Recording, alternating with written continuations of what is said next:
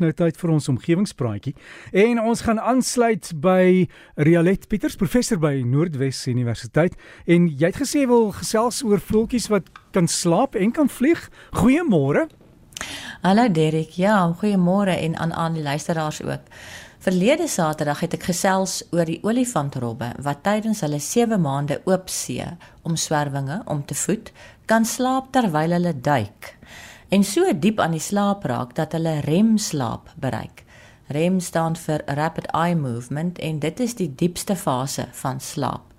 Behalwe dat die diere dalkies kan versuip, was ek nie te vreeslik bekommerd oor die slaapgedrag van hierdie diere nie. Ek het reeds geweet dat hulle spesiale aanpassings het en baie langer onder water kan bly as landgebonde soogdiere. Maar toe lees ek ook oor die vergatvoëls wat kan slaap terwyl hulle vlieg. En dit het my bietjie meer bekommer. Gaan hulle dan nie uit die lug uittuimel en hulle te pletter val nie? Ek meen as 'n olifant rop beheer oor sy liggaam verloor wanneer hy aan die slaap raak, gaan hy darm nie op die seebodem neerval nie. Ek moes net meer gaan oplees oor die vergatvoëls en vandag vertel ek van hierdie merkwaardige voëls, spesifiek die groot vergatvoël Frigata minor. Hulle is seevoëls wat gereeld in die Mosambiek-kanaal broei maar ook so ver suid swerf as die Wes-Kaap en kom selfs soms binnelands voor, veral na siklone. Die mannetjies het so 'n rooi veerlose keelsak wat hulle opblaas om die wyfies te beïndruk. Hulle voed deur op te let waar roofdiere wat vis en dolfyne kan wees, besig is om hulle prooi wat weer vis en seekatte kan wees, na die oppervlak van die see te jaag die vergatvoëls, vlieg dan naby aan die oppervlak en vang so sy kos as die durf om 'n gedeelte van sy lyf bo die water uit te steek. Maar hulle is ook bekend daarvoor dat hulle die kos uit ander voëlspesies se bekke sal steel. Ek het die artikel van Niels Rattenborg van die Max Planck Instituut vir Ornitologie in Seewies in Duitsland en medewerkers wat in Nature Communications in 2016 verskyn het, geraadpleeg. Die bedreigde grys albatros kan om die aarde vlieg in 46 dae, maar stop darm gereeld langs die pad om te rus. En die rekord vir die voëlspesies wat die langste ononderbroke vlug onderneem het, behoort aan die witpens windswaal en is een van die somertrekvoëls van Suid-Afrika. Een van hulle was 200 dae aan een in die lug terwyl hy vleiende insekte gejag het. Dit volgens 'n artikel wat reeds in 2013 ook in Nature Communications verskyn het. Maar vergatvoëls is self besondere vleiers en hulle kan vir 2 maande aan een oor die see vlieg sonder om halt te roep en te rus. Maar vir seevoëls is hulle besonder sleg aangepas vir waterlewe. Hulle kan nie swem nie en het nie juis gewebde pote nie en hulle vere het geen besondere waterdigting soos baie ander watervoëls nie. Hulle kan dus nie eers vir kort rukkies bo op die water dryf om te rus nie.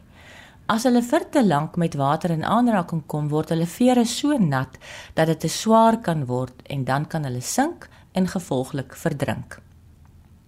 Rattenborg en sy span het 15 van hierdie groot vergatvoëls wat ook op die Galapagos eilande voorkom, gevang en elektroensefalograwe in hulle breine ingeplant. Versnellingsmeters is ook ingeplant en daarmee kon die tempo en die rigting waarin die voëls vlieg vasgestel word. Toe hulle die inligting na 'n week van die apparaatjies aflaai, kon hulle sien dat die voëls 45 minute per dag slaap, maar in kort intervalle van 10 sekondes. Dis in kontras met wat hulle op land doen. Dan slaap hulle 1 minuut op 'n keer deur die hele loop van 'n 24 uur siklus en kry so ongeveer 12 uur per dag rus in. Van die togte waaroor die artikel rapporteer, het tot 10 dae geduur en 'n allemintige 3000 km is in sommige gevalle afgelê. Hulle het meestal hoogtes van so 136 137 meter bo seespieël gehandhaaf, maar soms tot op hoogtes bokant 'n kilometer van die seeoppervlak af gestyg.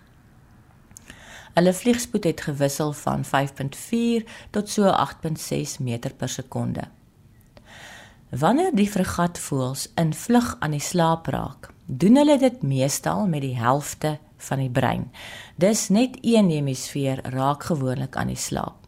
Die ander hemisfeer bly wakker. Vir seesoogdiere wat van dieselfde tegniek gebruik maak, soos walvisse, dolfyne, pelsrobbe en seeleeu's, is dit noodsaaklik om altyd maar ten minste een oog oop te hou, want roofdiere is maar altyd 'n bedreiging. Maar die navorsers is onseker oor waarom die vergatvoëls nodig het om een oog oop te hou, want sover die wetenskap weet, het vergatvoëls geen natuurlike vyande wanneer hulle in vlug is nie. Die auteurs van die artikel spekuleer dat hulle waarskynlik met een oog oop slaap om botsings met ander vleiende voorwerpe te voorkom. Soortgelyk aan wat valke en arende doen, maak vergatvoëls ook van stygende warm lug gebruik om daarmee saam na bo te sweef. Wanneer hulle nou hoog genoeg is, kan hulle vir lang afstande reguit gly. Hulle verloor geleidelik hoogte tydens hierdie fase waarna hulle dan weer die volgende kolom warm lug gebruik om met behulp daarvan weer tot op die verlangde hoogte te styg. En is tydens hierdie opwaartse klimgedeelte van die vlug dat die vergatvoëls vir kort rukkies aan die slaap raak.